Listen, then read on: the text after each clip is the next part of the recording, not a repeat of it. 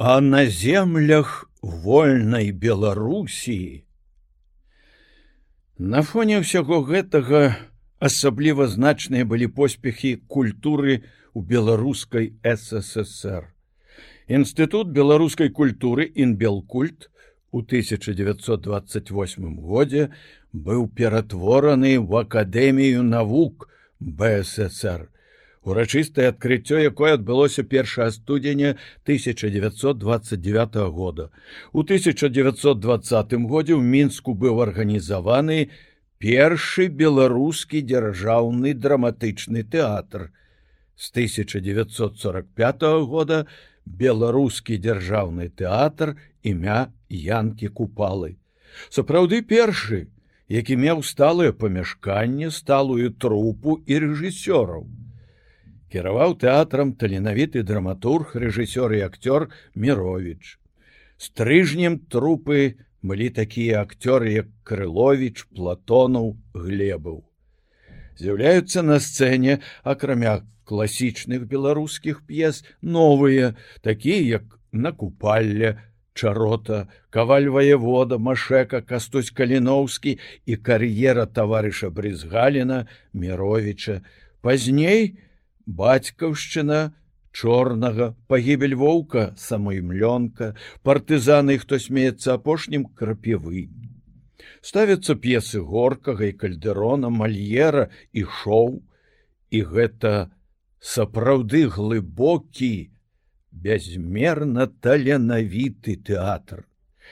Часам гэта глыбокая трагедыя часам узлёт часам яркае відовішча Ён і пазней быў адным з лепшых тэатраў ссср мне пашэнціла бачыць рэакцыю на яго пастаноўкі патрабавальна-украінскага кіеўскага гледача. Гастролі адбываліся ў жніўні 1953 года ў памяшканні тэатра імя лесі украінкі што праўда у нас жывы яшчэ былі платонаў і глебаў але ж і ў кіеве жыў яшчэ бучма. Грымела слава юры. Спявалі прынамсі ў запорожцы патаржынскі і літвіненко вольгемут. Слынныя былі белавусаў і найлепшы ў свеце федзя пратасаў раманаў. Здзівіць гледача песняй танцам драматычнай грой было амаль немагчыма. І аднак у калі апляваны замучаны даносамі туляга хто смяецца апошнім глебаў кажа сваё не верце! Не завошта не верце! У зале на хвіліну запаноўвала такая мёртвая цішыня што рабілася страшна а пасля апладысменты ледь не ламалі столь А калі ў дні цудоўных падманаў ён уцякаючы забіраўся ў нішу і ўдаваў статую, зала стагнала ад рогату і спаўзала пад крэслы. У антрактах увесь час можна было чуць. Чорт ведае, што яны вырабляюць. Я два разы на гэты спектакль хадзіў. А я тры і яшчэ раз пайду, як білет дастану. А што рабілася ў час гастроляў у Маскве? На Беларусі была багатая традыцыя вандроўных тэатраў. Спачатку 17 стагоддзя гэта былі батлеечныя трупы, пасля трупы такіх энтузіястаў, як буйніцкія. Дык вось і тут адразу за першым узнік перасоўны тэатр пад кіраўніцтвам Владіслава Глубка, аўтара каля 50 п'ес. Узнік БДТ2 у віцебску, цяпер это тэатры мяек ува коласа. Тэатры і тэатры рабочай моладзі узнікалі ва ўсіх, хоць крыху буйных гарадах. Узнікла свая кінематаграфія, у якой працавалі тарыч і гардзін з'яўляюцца оперы наш тэатр оперы і балета створаны ў 1933 годзе. Сімфоніі камерная музыка зачынальнікі музычнага мастацтва аладаў чуркін опера вызваленая праца сімфанета беларускія малюнкі мноства романсаў цікоцкі опера мехась падгорны і іншыя 1932 годзе створана беларуская кансерваторыя крыху пазней напісана багатыровым опера у пушчах палеся пра партызан грамадзянскай вайны і балет крошнера салавей напісаны паславутыя повесці бядулі аб паўстанні прыгонных супраць панства і аб важаку паўстання сымоне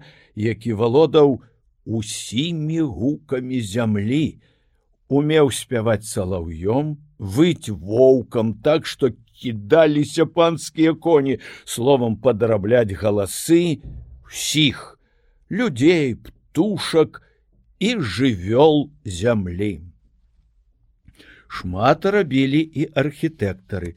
Гарады аздабляліся новымі жылымі дамамі, грамадскімі будынкамі, такія выдатныя помнікі, як дом урада, акадэмія, тэатр оперы і балета, э, створаны менавіта ў тыя гады. Архітэктары лангбард воінаў вараксін і іншыя. Працавалі скульптары мастакі такія рэчы як партрэт богдановича праца лірнік грубая пейзажы дучыцца і кудрэвіча партрэты станюты палотны пена это залаты нацыянальны фонд. І вядома такія цудоўныя творы мехася філіпповича як на купалле дудар вясковы хлопец як афармленне ім оперы кветка шчасця выдатнага кампазітара беларусі туранкова а красоўскі, а графік тычына. Пачаўся масавы прыход людзей у літаратуру. Раней былі адзінкі, а тут толькі в адной арганізацыі маладняк было каля 500 чалавек. Не ўсе з іх засталіся ў літаратуры. Сёй той стаў проста прапагандыстам або аматарам яе, але многія з тых, што вызначаліся або вызначаюцца і зараз пачыналі з маладняка, а былі ж яшчэ узвышша полымя.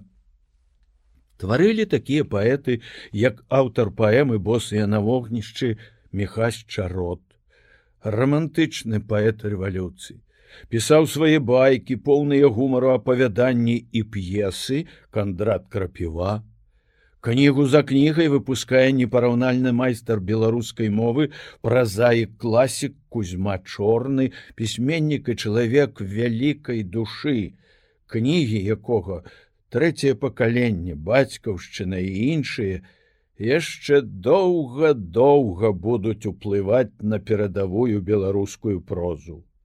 І піша яшчэ гарэцкі ствараючы віленскіх камунараў і аўтар сцежак дарожак зарэцкія. Дужа рана, на жаль, памірае вельмі таленавіты паэт Паўлюк Трус 1904-1929.